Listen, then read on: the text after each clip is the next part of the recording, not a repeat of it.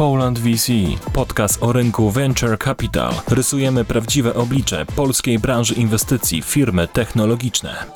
Cześć, witam Was w 32 odcinku podcastu Poland VC. Z tej strony Łukasz Kulicki z kancelarii Linkę Kulicki. E, dzisiaj mam gościa, którego już znam e, wiele lat, Artur Granicki. Cześć. Cześć, witam. Artur, jesteś teraz CEO platformy My e, Invest, którą tworzysz. Natomiast opowiedz może, jak wyglądała Twoja droga do momentu, do miejsca, w którym jesteś teraz. Znaczy, tak jak wiesz, no ja z wykształcenia jestem prawnikiem e, i przez e, dobrych kilkanaście lat e, mojej kariery zawodowej zajmowałem się prawem, natomiast zawsze było to prawo nakierunkowane na rynek kapitałowy. Tak? Zaczynałem w towarzystwie funduszy inwestycyjnych, tam przewinąłem się przez działy Capital Markets różnych kancelarii, inne towarzystwa, domy maklerskie, KNF i zawsze to było związane z, z rynkiem, z finansami finansowaniami. E, w pewnym momencie do tego doszły startupy, jak e, przestałem pracować w Departamencie Funduszy Inwestycyjnych KNF-u, to zajęliśmy się e, startupami wtedy w mojej kancelarii i to było takie pierwsze zderzenie z tym rynkiem powiedzmy venture capital, inwestycji angelskich, startupów i tak miałem możliwość zobaczenia potencjału tego rynku i e, gdzieś tam obserwować, jak on się w Polsce tworzy, no bo to jednak w porównaniu do tego, co jest dzisiaj, to te powiedzmy 10 lat temu e, ten, ten rynek startupowy to, to raczkował. E, I to było takie uzupełnienie tego doświadczenia, które wykorzystuję teraz, czyli z jednej strony rynek kapitałowy, oferty publiczne, regulacje, z drugiej strony rynek, e, rynek startupowy. I to mi pozwoliło mniej więcej tak znaleźć swoją drogę, że chciałbym działać mniej więcej na styku tych dwóch, e, dwóch światów. Trochę ze spółkami technologicznymi, z business angelami, ale wykorzystywać to doświadczenie w ramach dalej rynku kapitałowego, czyli tego, z czym jestem związany jakby przez całą moją karierę zawodową. E, no i ukoronowaniem tych doświadczeń jest właśnie platforma crowdfundingowa MyInvest, z tym, że nie nazywamy się, czy staramy się nie nazywać platformą crowdfundingową, e, ponieważ to nie do końca oddaje ducha tego, co robimy i nie do końca się kojarzy e, najlepiej w Polsce. Nazywamy się platformą inwestycyjną. E, dlatego, że chcemy podejść do tego crowdfundingu troszeczkę inaczej, w inny sposób i pokazać, że można robić w zupełnie inny sposób wykorzystywać ten crowdfunding do zupełnie innych celów niż to miało miejsce przez x ostatnich lat. No i o to ci będę dzisiaj myślę szczegółowo wypytywał. Natomiast z racji tego, że jesteś pierwszym gościem yy, z tego sektora crowdfundingowego, będę się jednak yy, trzymał tego słowa, bo, bo, jest, bo jest po prostu Yy, bardziej zrozumiałe pewno. Możemy dla, też mówić dla... finansowania społecznościowego, tak. tak. jak jest w regulacjach. Tak, finansowanie społecznościowego. Jesteś pierwszym gościem, e, dlatego może wytłumacz, dla, bo nie każdy, nie każdy może wiedzieć, czym jest crowdfunding, czym jest finansowanie społecznościowe, jakie mamy rodzaje e, tego typu e, finansowania. Jasne. E, znaczy, crowdfunding jest bardzo szerokim podejściem. Możemy tutaj wrzucić crowdfunding e, donacyjny, tak, czyli jakieś zbiórka, Polak pomaga i tym podobne, które mają za zadanie wesprzeć e, jakiś szczytny cel. Możemy crowdfund, poszukać crowdfundingu przedsprzedażowego, czy takiego crowdfundingu, który ma na celu wesprzeć ideę, ale bardziej biznesową, typu Kickstarter. Mamy crowdfunding inwestycyjny. Możemy go dzielić na taki czysty equity crowdfunding i crowdfunding dłużny.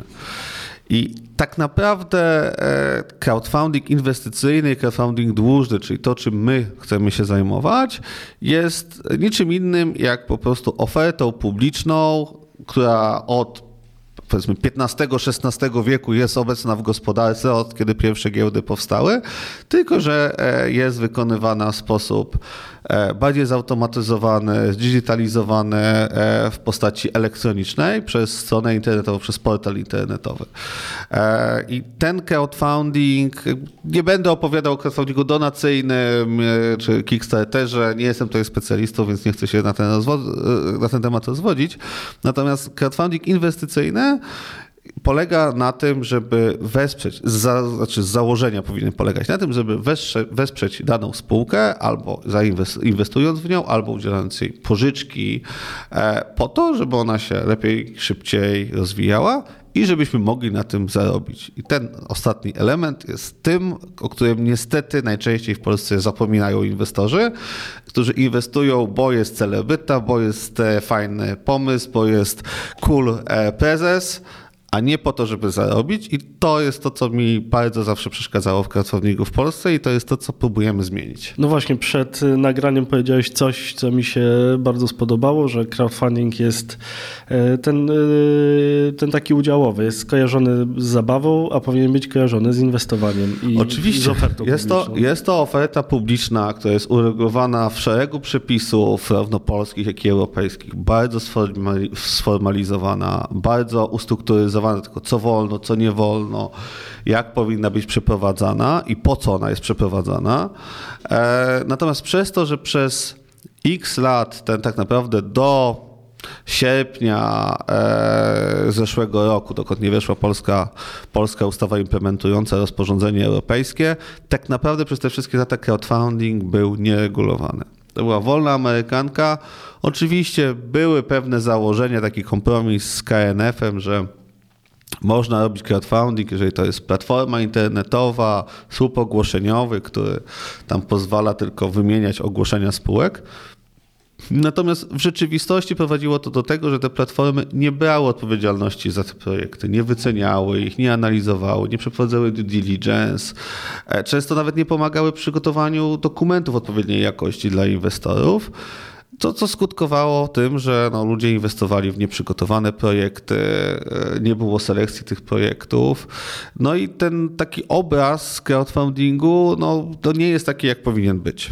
Natomiast na zachodzie, gdzie były jakieś przepisy wcześniej, albo gdzie e, bardziej dbano o, o weryfikację tych projektów, no ten crowdfunding dalej utrzymał się jako sposób inwestowania, jako głównym celem jego jest, e, jest zarabianie i ten standard był wyższy. I teraz w, w zeszłym roku weszły przepisy, które nakładają e, na wszystkich dostawców usług społecznościowych, czyli crowdfundingu, tak, tak się crowdfunding nazywa w przepisach europejskich, czy usługi finansowania społecznościowe, regulację, obowiązek pozyskania licencji. No właśnie, to, to, to może uporządkujmy sobie te kwestie takie yy, czysto, czysto prawne. Jakbyś mógł opowiedzieć o takim frameworku, który, po którym się tutaj e, poruszamy i gdzie też uczestnicy tego rynku mogą szukać takich informacji. E, tak, więc więc e, w 2021 roku zostało przyjęte rozporządzenie europejskie 1503 przez 2020, e, które e, reguluje działalność platform crowdfundingowych na terenie Unii Europejskiej. Są to przepisy, które można różno oceniać, ale raczej pozytywnie. To znaczy, tam są, jest parę dziwnych zapisów, ale generalnie duch tych przepisów jest pozytywny, to znaczy regulacja i nadzór KNF-u miejscowego nad działalnością platform. Reguluje e, zakres e, ochrony inwestora, reguluje zakres działania, reguluje co powinno być w dokumentach, zwiększa nam możliwość z dokonywania zbiórek czy dokonywania inwestycji w ramach crowdfundingu do aż 5 milionów euro, co dla polskiego rynku to jest rewolucja, bo nawet domy maklerskie nie mogły do tego czasu na takie kwoty liczyć. Natomiast no, pod warunkiem, że ta platforma spełnia odpowiednie zasady co do ochrony inwestorów, co do adekwatności kapitałowej, co do wyszkolenia i doświadczenia zespołu itd. Tak itd. Tak I to jest ten moment, e, gdzie no, większość platform działających musiało powiedzmy, przejść pewną rewolucję, tak? E, dostosować, zmienić sposób swojego działania. Ten okres przejściowy trwa do listopada tego roku, czyli do listopada 23. Wszystkie platformy działające w Polsce i w Unii Europejskiej muszą uzyskać e, licencję. Już teraz jest tak, że żadna nowa platforma nie może rozpocząć działalności bez uzyskania takiej licencji e, we właściwym kraju. A jak e, na polskim rynku te istniejące platformy, myślisz, dają sobie e, radę? Jak ten nasz polski rynek daje sobie radę z dostosowaniem się do tych regulacji? Znaczy, nie chciałbym oceniać jak gdyby konkurencji czy, czy innych podmiotów na, na tym rynku. No, na pewno nikt w Polsce jeszcze licencji nie uzyskał i żadna platforma w Polsce nie działa zgodnie z przepisami europejskimi. To możemy powiedzieć na pewno. Czy uda się uzyskać niektórym platformom, e, bo zakładam, że na pewno nie wszystkim, tak, e, uważam, że nie wszystkie platformy, które działają do dzisiaj e, dostaną taką licencję. Natomiast ilu się uda uzyskać taką licencję, nie wiadomo. KNF w październiku powiedział, że nie gwarantuje, że uda się wydawać, wydać odpowiednią ilość licencji do listopada 23. To znaczy, że możemy mieć taki okres pod koniec tego roku i naprzeciwko na początku następnego, że w Polsce nie będzie w ogóle crowdfundingu, albo będzie jedna, dwie platformy. Albo wejdą platformy zagraniczne, bo tak też może być. Na pewno to Rozumiem, jest... że nie ma problemu z tym, żeby, e, żeby platforma zagraniczna na, na licencji z, nie wiem, z jakiegoś innego kraju e, mogła działać w Polsce. Nie ma żadnego problemu, to jest uproszczona paszportyzacja. E, mając licencję w innym kraju, żeby chcieć działać w Polsce, składa się tylko wniosek do KNF-u 15 dni. Jeżeli nie będzie sprzeciwu w ciągu 15 dni, rozpoczynamy działalność. Więc jest bardzo prosto rozpocząć formalnie działać. Wiadomo, że Operacyjnie to jest dużo trudniejsze, trzeba mieć ludzi, trzeba znaleźć spółki. To, to nie jest tak, że sobie z, z dnia na dzień e, przygotujemy system, rozpoczniemy działalność, ale formalnie rzecz biorąc, mając licencję w jednym kraju, w ciągu trochę ponad dwóch tygodni możemy rozpocząć działalność w każdym innym kraju na terenie Unii Europejskiej. E, no, my z tego korzystamy, my złożyliśmy wniosek w Estonii przed nagraniem też właśnie y, opowiadałeś, jak to wygląda, jak, jak KNF y, estoński podchodzi i jest to takie e, bardziej zwinne podejście, jakbyś mógł o tym opowiedzieć, bo myślę, że to jest taki ciekawy smaczek. E, tak, no podejście jest e, zupełnie inne, może nie zupełnie, ale stosunkowo inne. To jest mały kraj, gdzie nie ma dużo ludzi i e, bardzo się szanuje jakby czas. E, w związku z tym nie jest tak jak u nas, że są przygotowywane długie listy pytań, które są zatwierdzone przez dyrektora departamentów, w bardzo oficjalnej formie wysyłane, e, oficjalne odpowiedzi się pisze i tak dalej. Tam cały zespół odpowiadający na przykład za licencję maklerską, bo ja mogę mówić o tym departamencie, z którym mam do czynienia, tak? czyli Departament Domów Maklerskich i Departament Crowdfundingu w Estonii, podzielony jest na zespoły. Jest zespół finansowy, jest zespół prawny, zespół IT, zespół organizacyjny, zespół e, do badania zesp- e, pracowników danej platformy czy danego podmiotu. Tych zespołów jest 6 czy 7. Każdy zespół działa zupełnie niezależnie, nie potrzebuje zatwierdzenia czy podpisu żadnego swojego dyrektora czy menadżera. Każdy zespół wysyła niezależnie pytania. W momencie, kiedy wyjaśnione są wszystkie kwestie i wątpliwości, wysyła potwierdzenie, że zakończył pracę i przekazuje materiały do podjęcia decyzji o udzieleniu licencji. W związku z tym e, czasami bywa tak, że dostajemy dwa, trzy sety pytań w miesiącu, każdy, każdy set po powiedzmy 7-8 pytań. Ale to pozwala na to, że można w szybki sposób i dosyć łatwo przygotować odpowiedź, nadać sprawie bieg i, i to przyspiesza postępowanie. Nie jest tak, że czekamy trzy miesiące na 100 pytań, a później trzy miesiące przygotowujemy odpowiedzi. E, a później po przygotowaniu odpowiedzi KNF następne musi trzy miesiące spełnić na to, żeby te odpowiedzi analizować. E, więc przez takie sprawniejsze podejście na tych samych przepisach, przy bardzo podobnych regulacjach, no, udaje się działać dużo, dużo sprawniej. Natomiast od razu uprzedzę pytania o Estonię. To wcale nie jest tak, jak się wszystkim wydaje, że się na łatwe oczy dostaje licencję i że rozdają na lewo i prawo. E, nie. E, my musieliśmy mieć na, przy pierwszy, po, po złożeniu wniosku, znaczy do złożenia wniosku musieliśmy zatrudnić połowę pracowników miejscowych, musieliśmy mieć zarząd miejscowy, musieliśmy przygotować set dokumentów bardzo podobny do tego, co wy, wymaga Polska.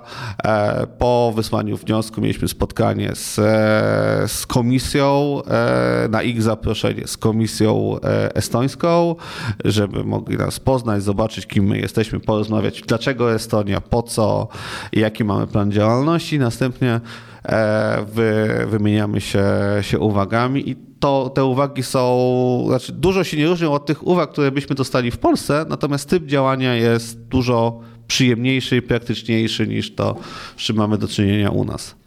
Powiedz w kontekście y, tego, o czym przed chwilką opowiedziałeś, jak teraz wygląda ten y, rynek polski, rynek europejski w kontekście tych nowych przepisów, w kontekście tej, e, tego, że zagraniczne platformy mogą działać y, w Polsce. E, jak to wygląda i jak myślisz, że to będzie wyglądało za lat kilka? To znaczy, no teraz mamy okres taki trochę ewolucyjny, bo e, jak sobie zobaczymy na stronę ESMY, czyli tego europejskiego regulatora rynku kapitałowego, tam możemy zobaczyć, ile platform z jakich krajów dostało licencję. O dziwo, najwięcej licencji wydali e, Hiszpanie i Francuzi, e, a nie nie wiem, jakieś tam Malta czy, czy Cypry, czy coś takiego. Natomiast tych platform jeszcze jest niewiele. Według jakiegoś raportu, który czytałem chyba w grudniu, zaledwie około 10% działających na rynku europejskim platform złożyło wniosek do grudnia tego roku. To znaczy, że jest bardzo mało. Albo te platformy nie chcą dalej działać, albo, nie, albo mają problem, żeby się dostosować. Czyli zgromadzić odpowiedni kapitał, przygotować wniosek w kancelarii, e, zatrudnić odpowiednich ludzi. E, inna sprawa, że też trzeba przyznać, że te w pewnych zakresach e, weryfikacja platform crowdfundingowych do uzyskania licencji jest bardzo podobna do e, licencji maklerskiej. E, tak samo trzeba adekwatności kapitałowe przygotowywać, wyliczać. One są niższe, ale tak samo trzeba dokumenty finansowe przygotowywać, tak samo trzeba uzasadniać doświadczenie członków zarządu, mieć odpowiednią ilość osób już e, zakontraktowanych na kluczowe stanowiska. E, te stanowiska też często się bardzo pokrywają z tym, co, co, co mamy do czynienia w domach maklerskich, więc to nie jest takie proste, e, proste postępowanie, jak się ludziom jeszcze 2-3 lata temu wydawało, że tam wystarczy przygotować jakiś wniosek, formularz i to z automatu pójdzie. I tak jest wszędzie w Europie, więc też tutaj dla ludzi, którzy chcieliby powiedzieć, a Polska zawsze z tyłu i to długo trwa, to pewnie by parę rzeczy poprawić, ale to nie jest tak, że to jest problem w Polsce, to jest problem wszędzie, bo wszystkie KNF-y, nadzory się tego dopiero uczą i, i potrzebują czasu, żeby się wdrożyć i zrozumieć te nowe przepisy też i jakąś tam praktykę licencyjną sobie, e, sobie wypracować. Natomiast no, zobaczymy pod koniec roku, jaka będzie sytuacja. Polski KNF e, w październiku zapowiedział, że jakby nie gwarantuje wydania tych licencji. Inne KNF-y też wiem, że, e, że się porykają z podobnymi problemami i też nie są w stanie, jeżeli ktoś chciałby wiem, teraz na przykład składać wniosek, to wcale nie ma gwarancji, że do końca roku taką licencję otrzyma. E, więc myślę, że ten, kto będzie miał lepszy wniosek i lepszy zespół, to dużo może wygrać, jeżeli szybciej dostanie tę licencję.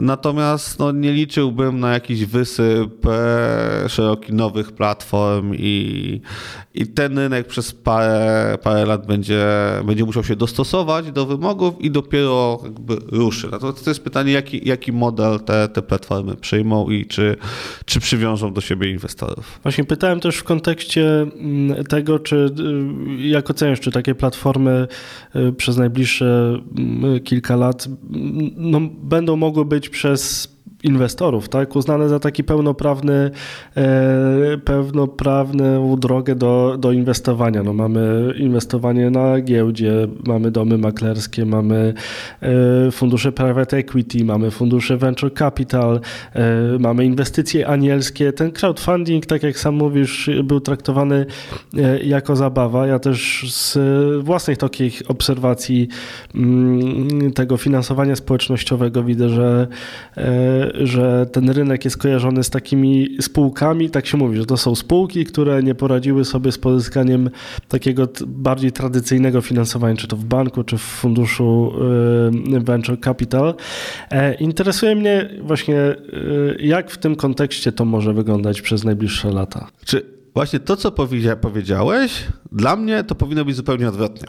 To znaczy, to rynek venture capital i aniołów biznesu to jest jakiś tam malutki ryneczek, który jest przy okazji prawdziwego rynku kapitałowego, nie, nie obrażając nikogo, ale to jest dostaweczka do obiadu, jeżeli chodzi o, o finansowanie. Tak jak tam wisienka na torcie. E, kwoty, które są inwestowane e, przez fundusze venture capital czy aniołów biznesu, to może jest pół procenta kwot, które się na rynku kapitałowym inwestuje. E, prawdziwy rynek i prawdziwe finansowe to są właśnie oferty publiczne, to są oferty IPO, SPO na giełdzie. E, ten rynek, który rzeczywiście działa od wielu, wielu lat i w który są zaangażowane potężne, potężne pieniądze. E, I rynek crowdfundingowy docelowo powinien być gdzieś pomiędzy rynkiem venture capital a rynkiem, e, a dojrzałym rynkiem kapitałowym. E, to znaczy, dla mnie crowdfunding czy przepisy crowdfundingowe to jest odmiana tradycyjnego rynku kapitałowego, tylko wykonywana w formie internetowej, digitalizowanej. Tak naprawdę, jeżeli mamy, mówimy o celu inwestycyjnym, o e, duchu tych przepisów, po co one są i jak one powinny działać, to się w żaden sposób nie powinno różnić od ofert maklerskich. Jedyna różnica jest taka, że przy crowdfundingu robimy to przez internet, e, a w tradycyjnej takiej usłudze maklerskiej przez sprzedawcę, który przychodzi i mówi pani Kaziu, będzie pani zadowolona. Tak? E, I po to, żeby to wyeliminować, e, stworzono przepisy crowdfundingowe, e, żeby też świat się zmienia, ludzie wolą nie być nagabywani przez sprzedawców. Tak, jeszcze w, latach dwudziestych w Ameryce chodzili komi wojażerzy, którzy pukali od drzwi do drzwi i sprzedawali akcje. Później dzwonili, stąd mamy Wilka z Wall Street i, i te tym podobne filmy. Teraz to się przenosi do internetu. Jest ta sama usługa, tylko świadczona w bardziej nowoczesny sposób. I to samo odzwierciedlają przepisy, które mówią, że żeby sprzedawać przez internet instrumenty finansowe, przez platformę informatyczną, trzeba pozyskać licencję. I tą licencję musi pozyskać zarówno podmiot, który chce tylko świadczyć e, usługi oferowania przez platformę internetową, jak i działający dom maklerski, czy bank z licencją maklerską, tak samo, jeżeli chce e, prowadzić sprzedaż przez platformę internetową, też musi tą licencję crowdfundingową pozyskać, tak samo jak podmiot zewnętrzny. Oczywiście pewnie mu będzie mu łatwiej, no bo już ma ileś innych warunków spełnionych, ale musi tak samo tą samą licencję pozyskać. Więc jest to ten sam sposób usługi, tylko działający w inny sposób. I teraz tak, wracając do tego, jak wygląda rynek, e, no przez to, że było w Polsce dużo nieodpowiednich projektów i Dużo, dużo platformy mają za uszami przez brak e, weryfikacji projektów, przez brak ich wyceny, brak przeprowadzenia due diligence, brak wsparcia przygotowania dokumentów itd., tak itd. Tak no, e, crowdfunding w Polsce nie, nie, nie cieszy się specjalną estymą. Natomiast ta sama oferta świadczona przez domy maklerskie jako pre-IPO świadczy się e, jakby spotyka się z bardzo dobrym odbiorem, olbrzymim zainteresowaniem e, inwestorów zarówno indywidualnych, jak i instytucjonalnych e, i działa bez żadnych problemów, bez zastrzeżeń. Ich się zastanawia, czy, czy inwestują w spółkę na IPO, która zaraz wejdzie na giełdę. Mamy do czynienia z inwestycją w marketing i w jakiś projekt, któremu nie udało się pozyskać pieniędzy. No bo tak samo można powiedzieć, tak, że po co spółka robi IPO i zbiera, nie wiem, tam 10 milionów złotych, e, przecież mogła pójść do funduszu. No, nie do końca mogło, bo ten cel jest inny, bo płynność na rynku kapitałowym e, jest, jest inna, są trochę inni inwestorzy, są inne fundusze w to za, zaangażowane. To nie znaczy, że ta spółka sobie nie poradziła ze znalezieniem inwestora.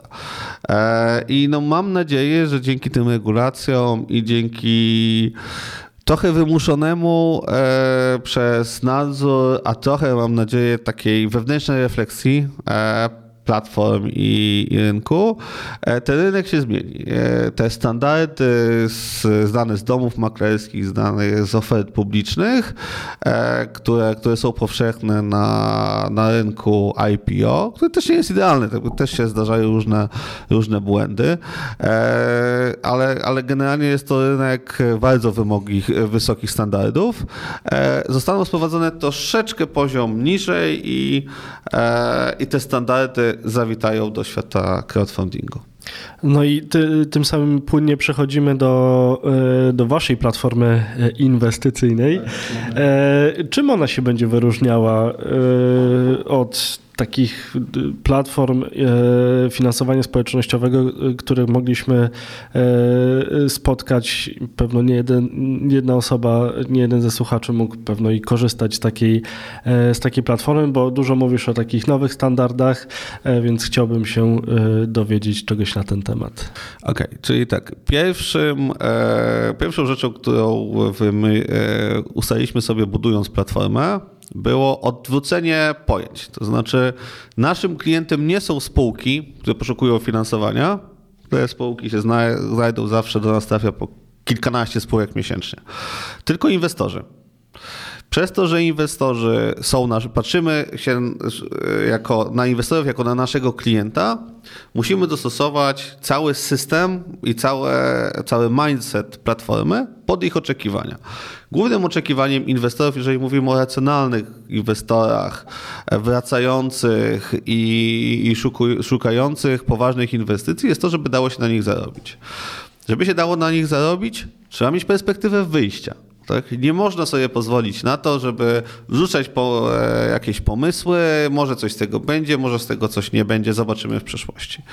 A, więc odwracając ten tok myślenia, zaczęliśmy od tego, że w październiku zeszłego roku pozyskaliśmy licencję autoryzowanego doradcy New Connect, czyli mamy możliwość wprowadzania spółek na, e, na rynek publiczny.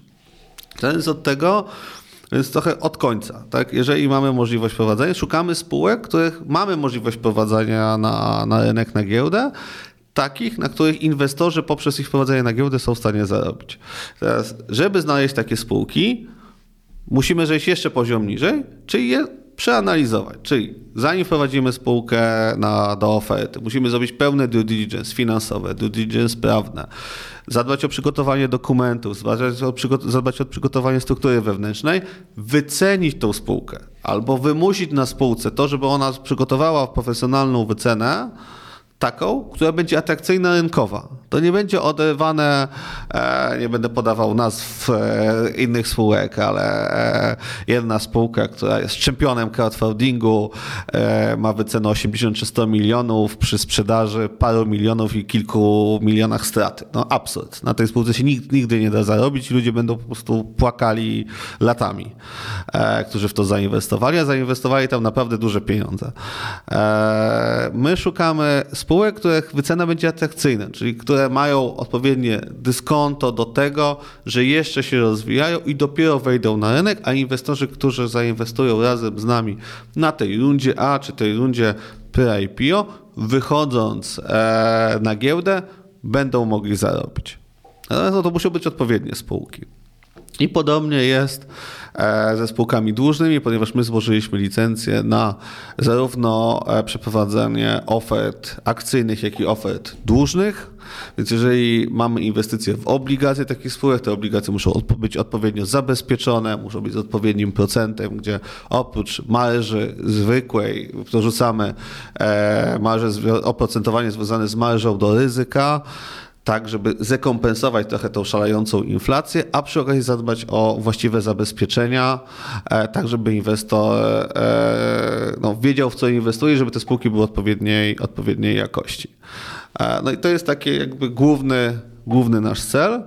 Do tego oczywiście musimy dorobić sobie odpowiednie narzędzia informatyczne, czyli łatwość e, inwestowania, prowadzenia kont e, użytkownika, gdzie on ma całą historię e, swoich inwestycji, łatwość komunikacji między spółką, tak? No bo jeżeli mamy spółkę, my się staramy specjalizować na spółkach pomiędzy rundą A a IPO, czyli nie dotykamy się scale-upów, nie dotykamy się seedów, e, czy nie dotykamy się seedów e, i, i spółek na bardzo wczesnym etapie rozwoju, tylko spółek, które już są w stanie, e, spółek scale-upowych, które są w stanie w jakiś tam sposób się rozwijać i, i zwiększać sprzedaż, kończyć pracę nad, nad projektem. Na tym etapie już można spółki wymagać. Natomiast nie zawsze ta spółka jest gotowa, żeby zarządzać odpowiednią ilością inwestorów, więc budujemy odpowiednie narzędzia informatyczne też, które mają to zarządzanie inwestorami ułatwić. E, czyli sposób komunikacji wewnętrznej u nas na platformie z tymi, e, z tymi inwestorami, sposób raportowania e, do inwestorów, co się dzieje w spółce, sposób przeprowadzania zgromadzeń, czy zwoływania tych zgromadzeń w taki sposób, aby te spółki no, mogły podźwignąć tych kilkudziesięciu czy kilkuset inwestorów i skupić się na, na biznesie. Interesuje mnie, y, jak to wygląda od strony takiej operacyjnej w, w, w, platformie, e, bo jako założyciel, e, założyciel platformy, no na pewno nie będziesz liczył na to, że inwestorzy po prostu sami się też będą zgłaszali. Pewno wielu takich będzie, ale zakładam, że e, aby no po prostu to wypaliło, tak, od samego początku, trzeba mieć jakąś już bazę inwestorów, którzy po prostu będą na tę platformę zaglądali. Interesuje mnie, jak, jak od tej strony to budujecie. I tak i nie. Bo tak naprawdę o sukcesie inwestycji, jeżeli chce się robić poważne spółki i poważny biznes na rynku kapitałowym, decyduje jakość. I teraz można sobie zobaczyć, z których platform ile spółek dedykuje swoją ofertę do profesjonalnych inwestorów, w sensie profesjonalnych, czyli wielokrotnych inwestorów, którzy oczekują stopy zwrotu i są w stanie rzeczywiście merytorycznie przeanalizować ofertę.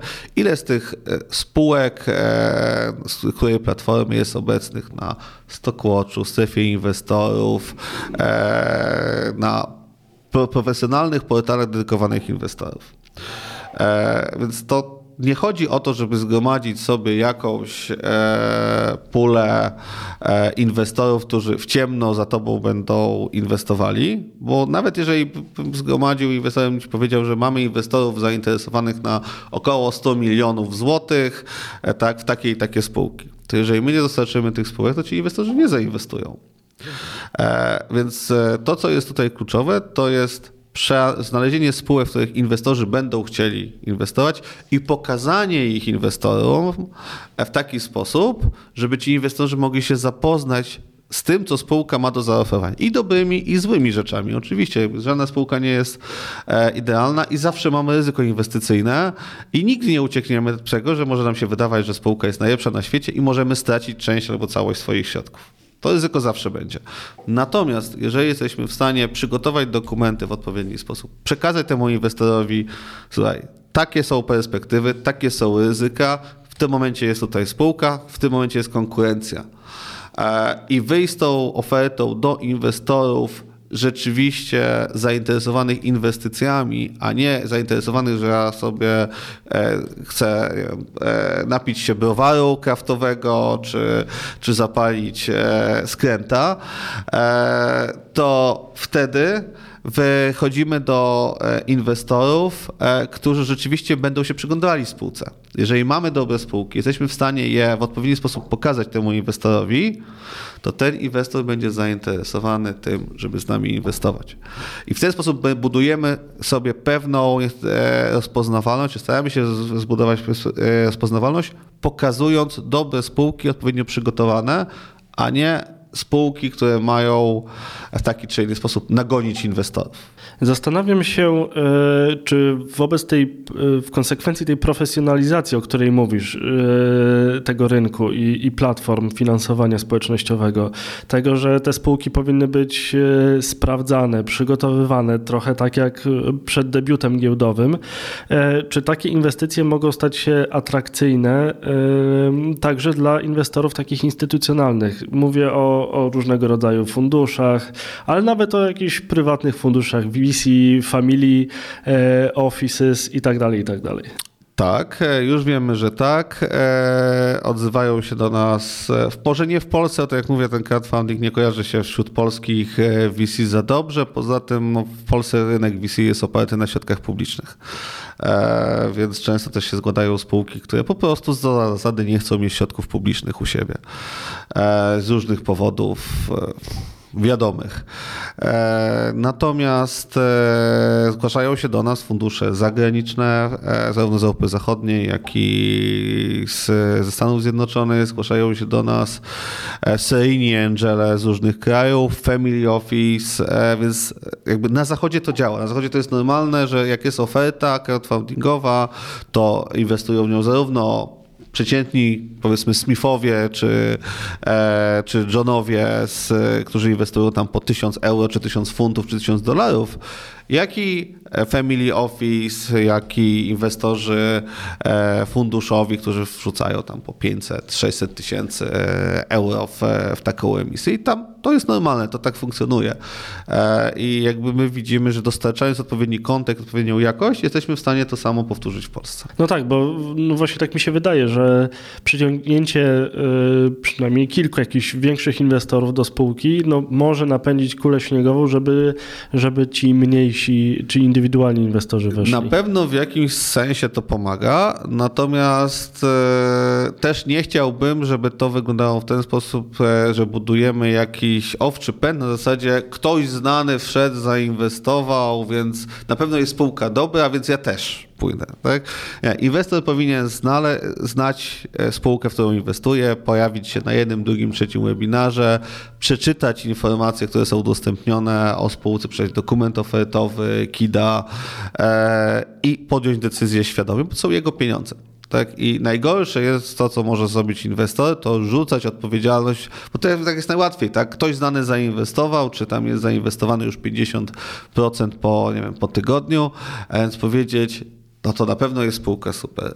To wcale nie jest, to, to nie jest jednoznaczne. Tak? Jakby to są nasze pieniądze, dbajmy o nie, weryfikujmy i w razie gdyby się nie udało, miejmy pretensje tylko i wyłącznie do siebie, że się nie udało. A nie możemy tego mieć, jeżeli na przykład inwestor nie przeczyta e, dokumentu ofertowego, tak? albo nie zapozna się z informacjami o spółce, albo chociażby nie posłucha tej spółki na jakimś webinarze. To, o czym mówisz, jakby też e, prowadzi mnie do tego, że e, troszkę, znaczy nie, nieintencjonalnie, ale wykluczymy tych inwestorów, którzy z tego rynku inwestorów, którzy przysłowie 50 zł chcą zainwestować, pobawić się, kupić jedną akcję, bo, no bo ludzie, którzy interesują się spółkami, no nie interesują się jej po to, żeby zainwestować 50 zł, tylko zazwyczaj troszkę więcej. I tak i nie, bo e, uważam, że tak, bo trochę ograniczamy ich możliwość inwestowania przez to, że na przykład e, według nowych przepisów taki drobny inwestor ma ostrzeżenie o ryzyku, musi wypełnić sobie kalkulator straty, nie jest mu tak łatwo zainwestować. Z drugiej strony e, na zachodzie jest normalne, że hydraulik sobie odkłada, czy budowlanie z pensji te kilkaset euro miesięcznie i połowę z tego inwestuje. E, w Polsce nie ma edukacji finansowej. Jakby e, kończymy studia, większość z nas nie potrafi PITA wypełnić. No teraz się wypełniają same. No teraz się wypełniają same, ale, ale żeby przeciętny człowiek nawet po studiach zrozumiał dlaczego i co w nich jest, no to już nie jest tak prosto. To prawda. Nie uczymy się inwestowania, nie uczymy się zarządzania swoimi, swoimi pieniędzmi. W związku z czym ja uważam, że jeżeli ktoś miałby podejść nieświadomie, to lepiej, żeby taka platforma go odstraszyła. Natomiast dla ludzi, którzy rzeczywiście chcą zrozumieć, chcą czegoś więcej, chcą spróbować zarobić na inwestycjach, to wtedy e, takie drobne inwestycje e, crowdfundingowe na ofercie publicznej są świetnym sposobem do nauczenia się przy relatywnie niskim, niskim ryzyku. Bo taki człowiek nie wpłaci pół miliona złotych do funduszu Venture Capital, żeby ktoś zarządzał jego majątkiem. E, nie wejdzie e, często na, na IPO wpłacając 100 tysięcy złotych. Ale nauczy się pod warunkiem moim zdaniem, że ta spółka no, kiedyś zadebiutuje na giełdzie, żeby zaliczyć jakiś przynajmniej minimalny, ale jednak exit. Dokładnie. Wtedy się nauczy, że zrozumie dlaczego, dlaczego nie. Jeżeli on zainwestuje te 500 zł, 1000 zł, 2000 zł, ale zainwestuje to świadomie, czyli będzie wiedział, dlaczego inwestuje, bo zna dokumenty ofertowe spółki bo był na jakimś webinarze, bo inwestując przez platformę musiał sobie w kalkulatorze straty wpisać, ile może stracić, a ile ma pieniędzy i ile ryzykuje. Jeżeli trzy razy dostanie powiadomienie o ryzyku, to zacznie się nad tym ryzykiem zastanowić i go traktować poważnie taki inwestor jest dla nas jakby jak skarb, tak? Bo on się uczy, on chce się nauczyć i on dzisiaj zainwestuje 200 zł, jutro 500. Jak mu się uda i doprowadzimy do exitu, będzie inwestował więcej i będzie bardziej świadomy i bardziej będzie podchodził wybiórczo do emisji, no bo wiadomo, że nie chodzi o to, żeby inwestować duże kwoty, tylko chodzi, żeby sobie budować portfel. Tak? Czyli jeżeli mam 10 tysięcy, to nie inwestuję 10 tysięcy w jeden projekt, tylko inwestuję w 10 projektów po 1000 zł To jest taki optymalny model, model inwestowania i się dzięki temu uczę. Zmniejszam sobie ryzyko straty, natomiast dalej mam taką samą szansę na to, że, e, że zarobię. I ten inwestor później będzie wracał. Ktoś, kto zainwestuje, e, bo podoba mu się e, celebryta reklamujący, czy jest jakaś fajna marka, to nie jest inwestor E, rozsądny na rynku. To jest inwestor wracający, na, na można budować rzeczywiście stabilny, stabilny biznes, bo dzisiaj jest, jutro zmieni humor i go nie będzie. Jak rozumiem, e, wy staracie się zrobić to, czego brakowało na rynku, czyli e, nie dostarczacie tylko platformy do pozyskania finansowania, ale z drugiej strony jesteście tym autoryzowanym doradcą i jesteście w stanie zapewnić, znaczy może nie tyle zapewnić, ale przeprowadzić Staramy się tak, nie zapewnić, bo w tak. inwestycjach nie można o niczym zapewniać, natomiast staramy się przeprowadzić tą spółkę i wyselekcjonować tą spółkę, te spółki w ten sposób, żeby wybrać te najlepsze i tym najlepszym pomóc. Zarówno bo też różne są podejścia platform, to o tym też warto powiedzieć. Niektóre platformy dają przestrzeń, nic ich nie interesuje i szukaj sobie prawnika, szukaj sobie kogoś od marketingu i tak dalej. No wychodzimy z założenia, że jeżeli już wybraliśmy tą spółkę i rzeczywiście widzimy w niej potencjał, musimy jej dać wartość dodaną, czyli Pomagamy przygotować wszelkie dokumenty. Pomagamy przygotować kampanię marketingową. Pomagamy w zorganizowaniu kwestii operacyjnych, technicznych związanych z kampanią, tak żeby spółka jakby wszystko pod jednym dachem miała przeprowadzoną emisję, tak jak to jest w domu maklerskim, że ktoś się zgłasza i dom maklerski odpowiada za całość, powinien odpowiadać za całość e, wszystkich kwestii związanych z emisją. E, I my tak samo staramy się nauczyć, wytłumaczyć, pokazać, jak to jest, odciążyć spółkę maksymalnie. Od pewnych rzeczy się nie da. No, nie wystąpię na webinarze za, za spółkę, ale mogę jej pomóc w przygotowaniu dokumentów, przygotowaniu IT, przygotowaniu strategii marketingowej i tak. Po to mamy zarówno zespół nasz e, marketingowo-PR-owy wewnętrzny, po to e, mamy na pokładzie doradcę inwestycyjnego i dwóch maklerów, e, po to mamy prawników e, w zespole, żeby maksymalne spektrum usług takiej spółce zapewnić. E, no, na koniec y, zadam pytanie, które być może jest najbardziej interesujące dla, y, dla wielu osób, a na pewno dla spółek, które, które szukają czy rozważają e, e, takie finansowanie społecznościowe. Ile coś takiego kosztuje? Czy to jest, nie chodzi mi oczywiście o konkretną kwotę, tak? tylko chodzi mi o to, żeby pokazać, że to nie jest tak, że przychodzimy i sobie zbieramy pieniądze, tak? bo ogłosiliśmy to na Facebooku Facebooku czy na LinkedInie, tylko to jest cały proces. Y, to kosztuje no, przede wszystkim czas, y, tak? tego się nie robi z tego dnia na tydzień, no ale też jakieś środki też trzeba mieć. Tak? To nie jest tak, że możemy sobie zebrać na pomysł i, i, i będzie super. Tak, to my współpracujemy ze spółkami, które już coś mają, są w stanie ponieść pewne koszty. Wiadomo, że, e, że nie robimy tego za darmo, natomiast jeżeli chodzi o koszty samej platformy, to one są bardzo indywidualne. I tutaj to przygotowanie do emisji to jest koszt rzędu kilkudziesięciu tysięcy złotych, e, plus jest jakieś success fee za, za pozyskanie, e, pozyskanie kapitału. Natomiast większość jakby kosztów też bierzemy na siebie, koszty PR-u, koszty e, wsparcia prawnego, wsparcia finansowego, przy, przy przygotowywaniu dokumentów ofertowych, gdzie tam mamy e, wkład czysto finansowy, ekonomiczny. To wszystko pomagamy spółce, więc jak sobie, sobie zderzymy, jest to na pewno mniej niż IPO, no więcej niż to w przypadku jest e, e, w przypadku funduszy venture capital, no a też mówimy o innych inwestorach, innych kwotach i innym poziomie rozwoju, rozwoju spółki. Jasne. To po powiedz e, e, na koniec, Artur, jak takie spółki mogą się do Ciebie zgłosić, albo jak jakiś zainteresowany inwestor może się do Ciebie zgłosić? E, tak, jeżeli chodzi o spółki, to można wejść na naszą stronę myinvest.eu, tam wysłać nam maila na, na Office e, i najlepiej z prezentacją, z jakimiś informacjami o spółce. Jak spółka jest interesująca, to na pewno się, się odezwiemy. Jeżeli chodzi o inwestorów, to jak na razie e, można się zapisać na naszej stronie naszego newsletteru, natomiast to nie jest newsletter taki, jak się kojarzy, tam komuś będą wysyłane jakieś pierdółki marketingowe, za tego, że przeproszeniem. E, zapisujemy się na newsletter inwestorski, określamy jaka klasa aktywów nas interesuje, czyli spółki startupowe, scale-upowe, IPO, finansowanie dłużne i tylko w zakresie tych e, które nas interesują, będziemy dostać dostali powiadomienia. Dodatkowo, jeżeli będziemy chcieli, to my przygotowujemy raporty o stanie rynku, e, dodatkowe mate- materiały edukacyjne, ale tylko dla osób za, zainteresowanych. Natomiast jeżeli ktoś chce tylko informacji o inwestycjach, które wyselekcjonowaliśmy, to sobie wybiera kategorię aktywów i tylko takie informacje dostaje. Myślę, że wyszła nam bardzo taka mm, ciekawa rozmowa dotycząca finansowania społecznościowego i platform e, inwestycyjnych. To myślę, że to taka konkretna piguła, sam się, sam się sporo dowiedziałem. E, no i mam wrażenie, że opowiadasz o tym w, no, w sposób interesujący, że tym tematem można się, e, można się zainteresować.